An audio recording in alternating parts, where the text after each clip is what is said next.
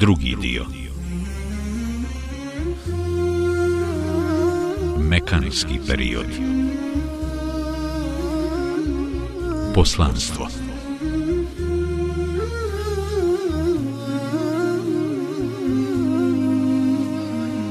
Muhammed sallallahu alejhi ve sellem napuni 40 godina, a sve se više bližio trenutak u kojem će granuti svjetlost njegovog poslanstva. U to vrijeme, gdje god bi se zaputio i kojom bi god potrebom negdje izašao, ne bi prošao ni pored drveta, ni pored kamena, a da mu to drvo ili taj kamen ne bi rekli. Neka je na tebe mir i spas, Allahov poslaniče. On bi se okrenuo da vidi komu to naziva selam, te bi pogledao i desno i lijevo. Ali, izuzev kamena ili drveta, nikoga ne bi vidio. Ovo je bila najava njegovog veličanstvenog poslanstva.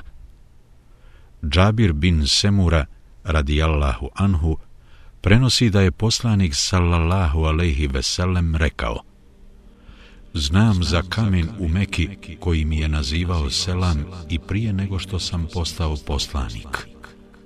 I sada znam gdje se nalazi. Muslim, Sahih, broj 2277. U ponedjeljak naveče u mjesecu Rebiul Evelu zasijalo je sunce Muhammedovog sallallahu alejhi ve sellem poslanstva. To je bio period u kojem su njegovi snovi, bez obzira na to da li ih je usnio danju ili noću, bili istiniti i ostvarivali su se jasno kao što dolazi jutarnja svjetlost. Zuhri prenosi od Urbe, a on od svoje tetke Aiše, majke vjernika radijallahu anha, da je kazala Prvo čime je otpočela objava Allahovom poslaniku – i to nakon što mu je uzvišeni Allah htio ukazati počast i svoje robove obasuti milošću, bili su istiniti snovi. Kakav bi god san usnio, on bi se i obistinio, baš poput pojave jutarnjeg svjetla. Zavolio je osamu, ništa mu nije bilo draže od nje. Za boravak u samoći odabrao je brdo Hira, jedno od brda koja se uzdižu nad Mekom. Brdo Hira poznatije je kao brdo Nur, to jest brdo svjetlosti, jer je na njemu počela stizati objava poslaniku sallallahu alaihi veselem. Osamljivao bi se u jednoj pećini na ovom brdu, koja je poznata kao pećina Hira, gdje bi se pobožno molio i razmišljao o vjerolomstvu kojem se odao njegov narod – Kurejšije, obožavajući kipove i čineći razno razna razvratna i ružna dijela. Autor je ovdje počeo prepričavati, a ne citirati hadis u kojem Aisha radijallahu anha objašnjava kako je objava počela stizati poslaniku sallallahu alaihi veselem. Vrlo brzo će spomenuti hadis citirati u njegovoj punoj verziji. U jednoj od noći blagoslovljenog mjeseca Ramazana, a vjerovatno se radi o sedamnaestoj noći, Melek Džibril dođe Muhammedu sallallahu alaihi veselem i donese mu radosnu vijest o vjerovjesništvu. To je u stvari bio samo uvod i priprema za obznanu poslanstva kojim će Muhammed sallallahu alaihi veselem biti zadužen, da poslanicu vjere Islama dostavi čitavom čovječanstvu. Imam Buhari, predvodnik i prvak Muhadisa, bilježi predaju koju prenosi Aisha radijallahu anha, a u kojoj je opisala način na koji je Muhammedu sallallahu alaihi veselem otpočelo dostavljanje objave. Ona kaže Istiniti snovi bili su počeci objave Allahovom poslaniku sallallahu alaihi veselem bez obzira na to šta bi vidio u snu, to bi se neminovno i u potpunosti ostvarilo, baš kao što se neminovno pojavljuje i jutarnja svjetlost. Nakon toga je zavolio samoću, pa bi se osamljivao u pećini Hira, u kojoj bi po nekoliko noći provodio u ibadetu, a potom se vraćao svojoj porodici kako bi se obskrbio hranom i ostalim potrepštinama. I tako je bilo sve dok mu u pećini Hira nije došla istina, to jest objava. Dođe mu melek koji kaza, čitaj, a on reče, ja čitati ne znam. Poslanik sallallahu alejhi ve sellem kazao je: Tada me uhvatio i tako snažno stisnuo da sam to jedva podnio. Zatim me pustio, a potom ponovo rekao: Čitaj. Odgovorio sam: Ja čitati ne znam. Tada me uhvatio i po treći put, a potom me pustio i rekao: اقرأ باسم ربك الذي خلق خلق الإنسان من علق اقرأ وربك الأكرم الذي علم بالقلم علم الإنسان ما لم يعلم Čitaj u ime gospodara tvoga koji stvara, stvara čovjeka od ugruška. Čitaj, plemenit je gospodar tvoj, koji poučava peru, koji čovjeka poučava onome što ne zna. El Alek 1 do 5 Nakon ovoga se poslanik sallallahu alejhi ve sellem vrati kući, a srce mu je lupalo od straha. Uđe kod Hatidže, kćerke Huvejlidove, te reče: Pokrite me, pokrite me pokriše ga i on ostade tako umotan sve dok ga strah nije prošao. Ispričao je Hatidži šta se desilo, te reče, bojim se za sebe. A ona mu kaza, ne brini se, Allahom se kunem da te on nikada neće napustiti. Ti održavaš rodbinske veze, olakšavaš teret slabima, obskrbljuješ siromašne, ugošćavaš goste i podržavaš istinu u svim prilikama. Hadis u punoj verziji bilježe Buhari, sahih broj 4953, Muslim, sahih broj 160 i drugi.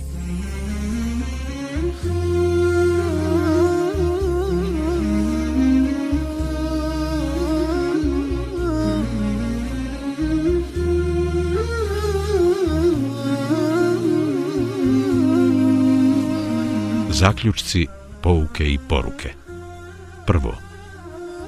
Uzvišeni Allah je svojim vjerovjesnicima slao objavu uglavnom kada bi navršili 40 godina, što je potvrđeno i u slučaju Muhammeda sallallahu alaihi veselem. Drugo. Jedan od jasnih znakova Muhammedovog sallallahu alaihi veselem vjerovjesništva jeste i to što mu je kamenje i drveće nazivalo selam. Treće. Lijepi snovi predstavljaju 46. dio vjerovjesništva. Enes bin Malik radijallahu anhu prenosi da je Allahov poslanik sallallahu alaihi veselem rekao Lijepi snovi koje usniju dobri ljudi predstavljaju 46. dio vjerovjesništva. Hadis bilježe Buhari, Sahih broj 6983 i Muslim, Sahih broj 2263, s tim da ga Muslim bilježi od Ebu Hureyre, radijallahu Anhu. Period objave Kur'ana trajao je 23 godine, a šest mjeseci od tog perioda objava je dolazila putem snova, što i jeste 46. dio razdoblja od 23 godine. Ako period od 23 godine koliko je trajala objava Kur'ana preračunamo u mjesece, dobit ćemo 276 mjeseci. Ako opet broj mjeseci podijelimo sa brojem 6, koliko je prema onome što tvrdi autor trajala objava putem snova, dobit ćemo 46, što odgovara broju za koji je poslanik sallallahu alejhi ve sellem rekao da je udio u vjerovjesništvu. Ovo je naravno samo jedno od mnogobrojnih tumačenja hadisa u kojima se spominje da su snovi dio vjerovjesništva, o čemu je detaljno govorio Ibn Hajar, Fethul Bari, 12 kroz 362 do 368. Četvrto, kada se ljudi masovno iskvare i većina ih postane zla, šerijatski je dozvoljeno napustiti ih i osamiti se iz želje da se sačuva od njihovoga zla. Peto. Prve riječi koje su objavljene i koje su označile početak Muhammedovog sallallahu alejhi veselem vjerovjesništva jesu kuranske riječi. Čitaj u ime gospodara tvoga koji stvara. El Alek 1. Što znači da je Muhammedovo sallallahu alejhi veselem vjerovjesništvo prethodilo njegovom poslanstvu. Dakle, prvi ajet sure El Alek je označio početak Muhammedovog sallallahu alejhi veselem vjerovjesništva, dok su početci sure El Mudessir označili početak poslanstva, a između toga je bio jedan period bez objave. Svi islamski učenjaci slažu se u tome da su i vjerovjesnici, nebij i poslanici Resul, dobijali neku vrstu objave od Allaha i da je vjerovjesništvo na nižoj razini od poslanstva, ali se razilaze u definisanju vjerovjesništva i poslanstva kao i u njihovim pojedinostima i specifičnostima. Autor ukazuje na to da je prva objava Kur'ana čitaj u ime gospodara tvoga koji stvara El Alek 1 Muhammeda sallallahu alejhi ve sellem učinila vjerovjesnikom, a da je poslanik postao naredbom uzvišenog Allaha da ljude počne pozivati u islam. O ti pokriveni, ustani i opominji. El Mudesir 1 do 2 Učenje, čitanje i traganje za naukom islamski su imperativi – a samim tim i stroga obaveza svakog pojedinca, jer bez ispravnog znanja musliman ne može izvršavati vjerske dužnosti.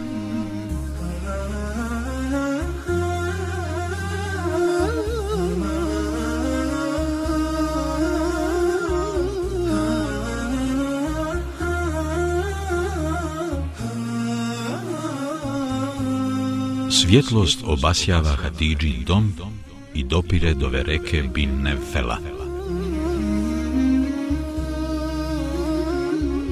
Kada se Muhammed sallallahu alejhi ve sellem vratio iz pećine Hira i kada je Hatidži radijallahu anha ispričao šta se dogodilo, ona mu reče Raduj se, Amidžiću moj, jer tako mi onoga u čijoj je ruci moja duša, ja priželjkujem i nadam se da ćeš ti biti vjerovjesnik ovoga umeta.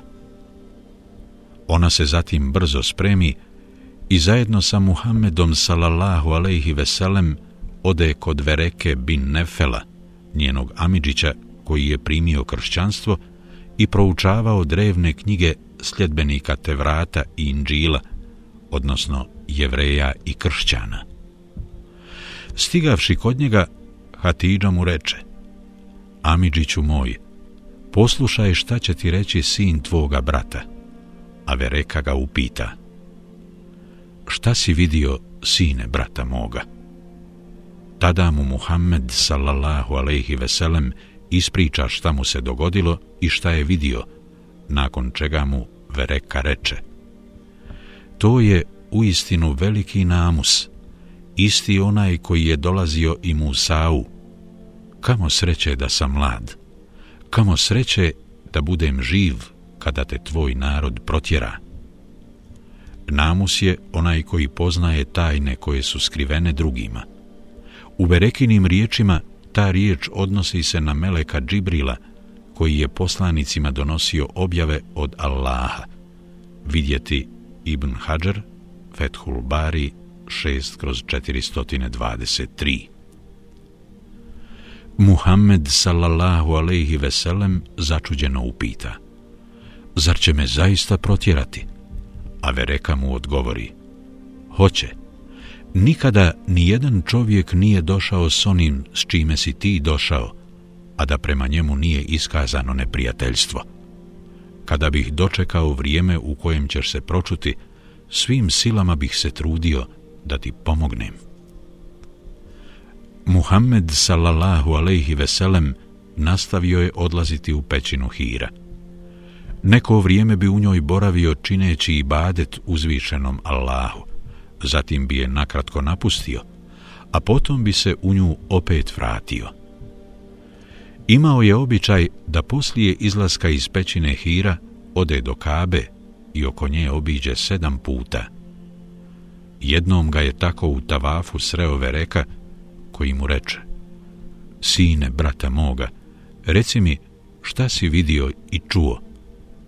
Poslanik sallallahu alejhi ve sellem kaza mu šta je sve vidio i čuo, a Vereka na to reče Tako mi onoga u čijoj je ruci moja duša, ti si uistinu vjerovjesnik ovog umeta. Tebi je došao veliki namus koji je došao i Musau. Tvoj narod će te lašcem proglasiti, uznemiravati te i sve vidove neprijatnosti ti nanositi. Oni će te progoniti i protiv tebe će se boriti. Ako dočekam taj dan, ja ću Allaha pomoći i on će to vrlo dobro znati. Zatim je Vereka privukao sebi Muhammedovu sallallahu alaihi veselem glavu i poljubio ga u tjeme. Nakon toga Muhammed sallallahu alaihi veselem ode svojoj kući. Tirmizi bilježi hadis u kojem se navodi da je Allahov poslanik sallallahu alaihi veselem usnio Vereku u bijeloj odjeći. Isto tako se prenosi da je Muhammed sallallahu alejhi ve sellem rekao: Vidio sam jednog svećenika u dženetu, a na sebi je imao svilenu odjeću. On je prvi muškarac koji je povjerovao u mene. Ovaj hadis bilježi imam Tirmizi, Sunen, broj 2288, sa slabim lancem prenosilaca. Što se tiče druge predaje, vidio sam jednog svećenika u džennetu, u ovom obliku navode neki autori poslanikovog sallallahu alaihi veselem životopisa.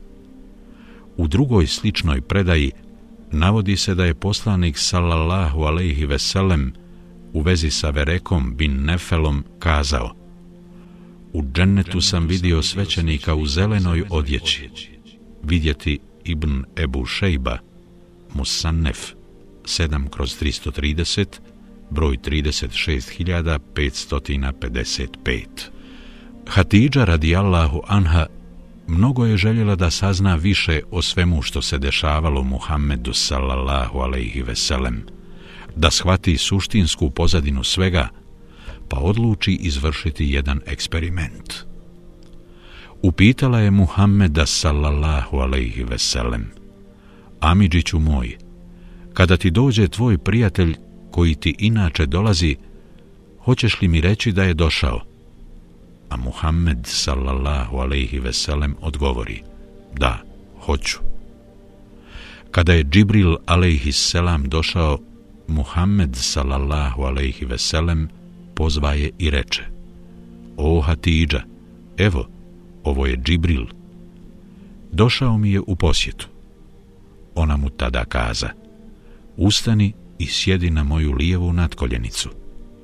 Muhammed sallallahu alaihi veselem ustade i sjede na njenu lijevu natkoljenicu, a ona ga upita, vidiš li ga, Džibrila alaihi selam, a on odgovori da ga vidi. Ona mu tada reče da sjedne na njenu desnu natkoljenicu, što on i učini. Vidiš li ga sada? Opet ga upita a on odgovori potvrdno. Sada mi sjedi u krilo i reci vidiš li ga, reče mu. Muhammed sallallahu alaihi veselem sjede u njeno krilo i kaza da ga još uvijek vidi. Tada Hatidža podiže svoj veo i skinu ga, a onda ga upita. Vidiš li ga sada? Ne vidim, odgovori Muhammed sallallahu alaihi veselem. Ona zatim reče, sada sam se uvjerila, raduj se, jer je to, tako mi Allaha, bio melek, a ne šeitan. Ibn Kesir, El Bidaja, Ven Nihaja, 3 kroz 15. Dakle, Hatidža je bila prva osoba obasjana svjetlošću Muhammedovog sallallahu alaihi veselem vjerovjesništva, odnosno prva osoba koja je povjerovala u njega i u objavu koja mu je dostavljena. Isto tako je Vereka bin Nefel bio među prvima koji su povjerovali u Muhammedovo sallallahu alaihi veselem poslanstvo.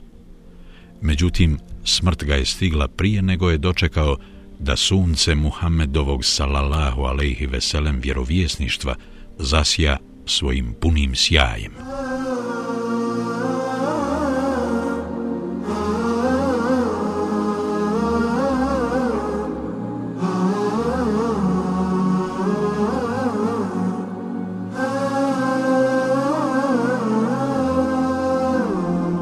Zaključci, pouke i poruke. Prvo, iz priloženog uočavamo koliko je Hatidža radijallahu anha bila oštroumna. Isto tako zaključujemo da je Vereka bin Nefel imao ispravno i neiskrivljeno znanje o prijašnjim poslanicima i objavama. Sve ovo ukazuje na njihove vrline, kao i na to da su i Hatidža i Vereka postigli visok stepen duševnog savršenstva. Drugo, Hatidža radijallahu anha bila je neiskvarene prirode, a usto i izuzetno pronicljiva, što zaključujemo iz vrlo zanimljivog eksperimenta koji je izvršila, a na osnovu kojeg je dodatno potvrdila istinitost Muhammedovog sallallahu alaihi veselem vjerovjesništva, te u njega čvrsto i nepokolebljivo povjerovala, neka je Allah njome zadovoljan. Treće, meleki su uvijek na strani stida, pristojnosti i kreposti, dok se šeitani priklanjaju razvratu, golotinji i bestidu. Četvrto, pohvalno je da žena pokrije svoju kosu i da ne bude gologlava, pa makar bila i sama, kako joj se šeitani ne bi približavali. Autor smatra da je pohvalno da žena pokrije svoju kosu i kada je sama, ili se nalazi u društvu drugih žena ili muškaraca koji su joj mahremi, iako joj to u osnovi nije obaveza.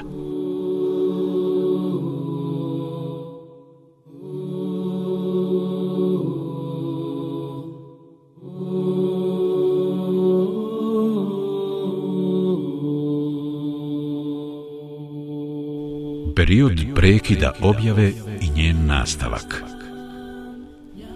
Nakon spomenutog iznenadnog i veličanstvenog događaja u kojem je Muhammed sallallahu alejhi ve sellem bio glavni sudionik i nakon te divne vijesti koja je oduševila Hatidžu radijallahu anha kao i Vereku bin Nefela Allah mu se smilovao objava se odjednom prekinula a taj prekid potraja četrdesetak dana baš u tom periodu umro je Vereka bin Nefel.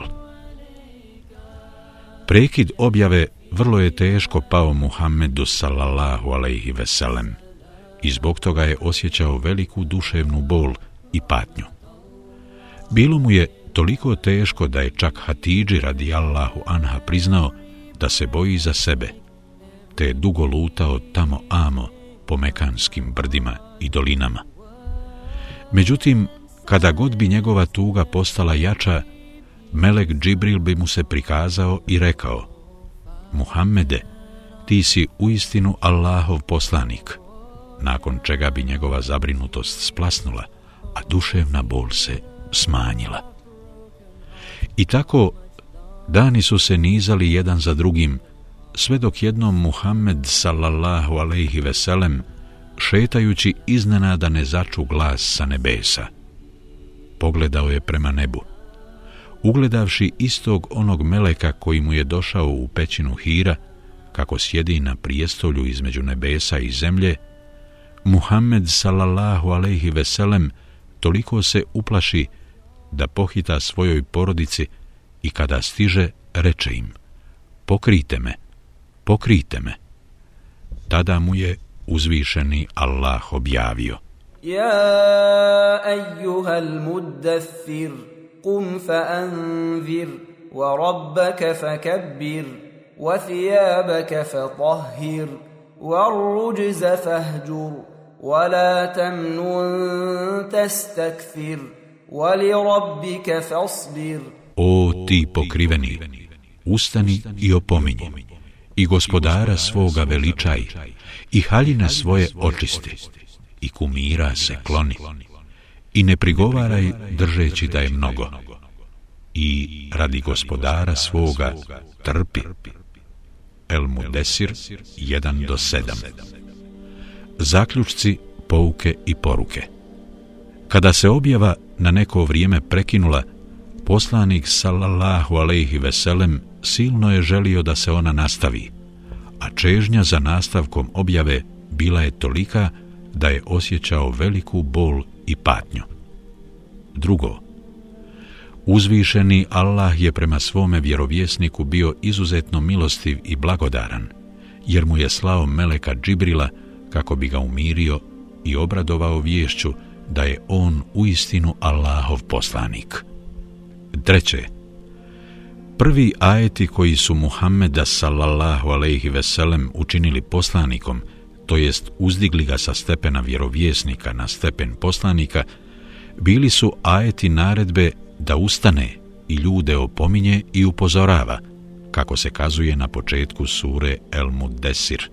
Inače, kada je riječ o zadaći Allahovih poslanika, oni su prvo opominjali i upozoravali ljude na Allahovu kaznu, koja bi uslijedila ako bi odbili istinu. A zatim su obećavali velike nagrade onima koji Allahu budu pokorni. A onaj ko shvati princip opomene i iskreno povjeruje u Allaha, obožavajući samo njega i slijedeći njegovog poslanika u svemu onome sa čime je došao, takvome su uz Allahovu milost zagarantovane nagrade u džennetu.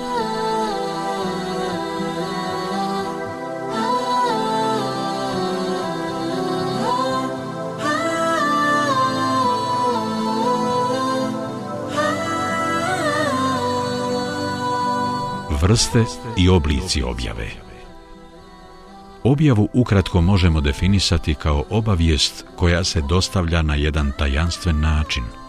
A Allahovom poslaniku sallallahu alejhi ve sellem objava je stizala na više načina.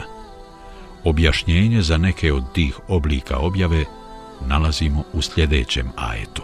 وما كان لبشر ان يكلمه الله الا وحيا أو من وراء حجاب أو يرسل رسولا فيوحي باذنه ما يشاء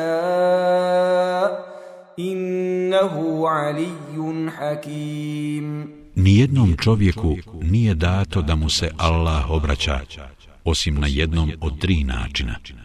Nadahnućem ili iza zastora ili da pošalje izaslanika koji njegovom voljom objavljuje ono što on želi. On je zaista uzvišen i mudar. Ešura 51 Ukratko ćemo se osvrnuti na vrste i oblike objave.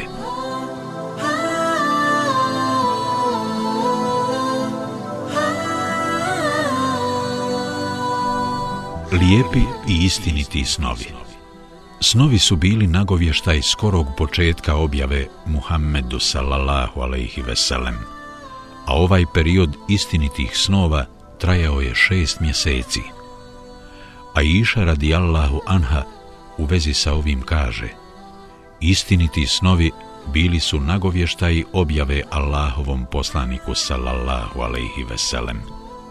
Bez obzira šta bi vidio u snu, to bi se neminovno i u potpunosti ostvarilo, baš kao što se neminovno pojavljuje i jutarnja svjetlost.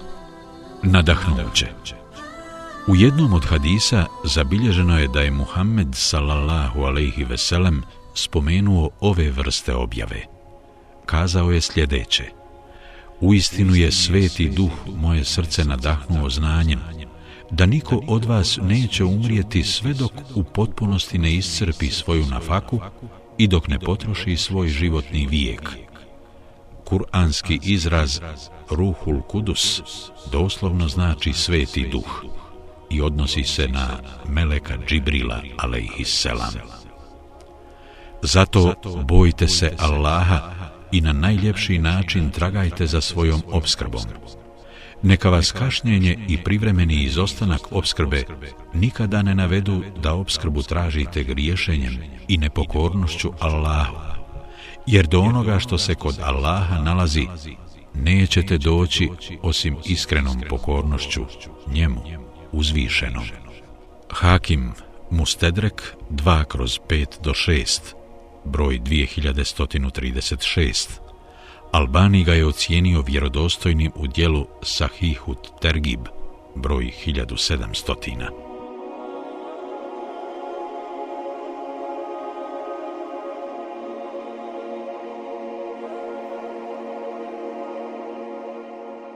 Objava u vidu zvonjave zvona Ova vrsta objave bila je poslaniku sallallahu alejhi ve sellem najteža.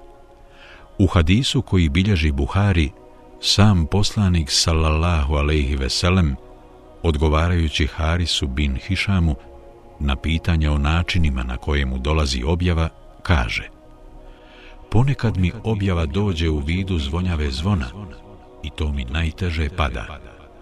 Nakon što me to napusti, onda shvatim šta je rekao. Buhari, Sahih, broj 2, Muslim, Sahih broj 2333. Dolazak Meleka u ljudskom liku Ovaj oblik objave bio je poslaniku sallallahu alejhi ve sellem najlakši i to zbog načina na koji su komunicirali i sličnosti u spoljašnjem izgledu. Dakle, došao bi melek u liku čovjeka i onda bi mu od Allaha prenio objavu kojom ga je on zadužio – Muhammed sallallahu alejhi ve sellem bio je čovjek, ljudsko biće, pa bi dolazak meleka u liku čovjeka olakšao međusobno sporazumijevanje. Ovaj oblik objave spomenut je u hadisu koji također bilježi Buhari i u kojem je Muhammed sallallahu alejhi ve sellem rekao: Ponekad mi dođe melek u liku čovjeka, pa mi se obraća, a ja shvatim sve što mi govori. Buhari, Sahih broj 2, Muslim, Sahih broj 2333. Melek Džibril je Muhammedu sallallahu alaihi veselem najčešće dolazio u liku ashaba po imenu Dihja bin Halifa el Kelbi el Ensari radijallahu anhu direktno obraćanje Allaha svome poslaniku. Allah bi se iza zastora direktno i bez ikakvog posredovanja obratio svome poslaniku. Ovako se uzvišeni Allah obratio Muhammedu sallallahu alaihi veselem u noći Isra i Mirađa, u kojoj je umetu propisana obaveznost pet dnevnih namaza, i to nakon što je poslanik sallallahu alaihi veselem u više navrata tražio od Allaha da im olakša, kako mu je to savjetovao Musa, ali i da smanji broj od 50 obaveznih dnevnih namaza, koliko ih je na početku bilo propisano.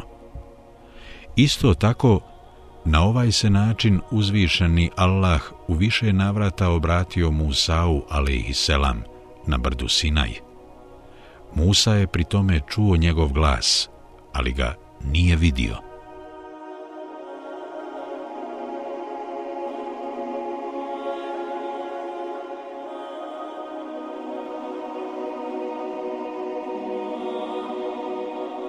Zaključci, pouke i poruke Prvo, jasno je potvrđeno da je Muhammed sallallahu alaihi veselem dobio objavu od uzvišenog Allaha. Drugo, pojašnjene su vrste objave kao i načini na koje je objava dolazila Muhammedu sallallahu alaihi veselem. Treće, Lijepi i istiniti snovi su jedan vid objave. Četvrto. Vjernik koji istinski vjeruje u sudbinu i Allahovo određenje ne smije biti zaokupljen dunjalukom i njegovim ukrasima, o čemu nam govori hadis koji smo spomenuli prilikom objašnjavanja drugog načina na koji je objava stizala Muhammedu sallallahu alaihi veselem. Peto. Sve što tražimo od Allaha moramo tražiti kroz iskazivanje pokornosti samo njemu, ne čineći mu grijehe i ne bivajući mu nepokorni. Šesto. Sličnost među sagovornicima jedan je od osnovnih uvjeta za dobru i uspješnu međusobnu komunikaciju i razumijevanje. Sedmo. Ukazano je na veliku čast i ugled koje je uživao ashab Dihja bin Halifa el Ensari, jer je Melek Džibril, Muhammedu sallallahu alaihi veselem, dolazio u njegovom liku. Osmo. Najpotpuniji i najuzvišeniji oblik objave jeste onaj kada se uzvišeni Allah bez ikakvog posrednika obraća svome poslaniku.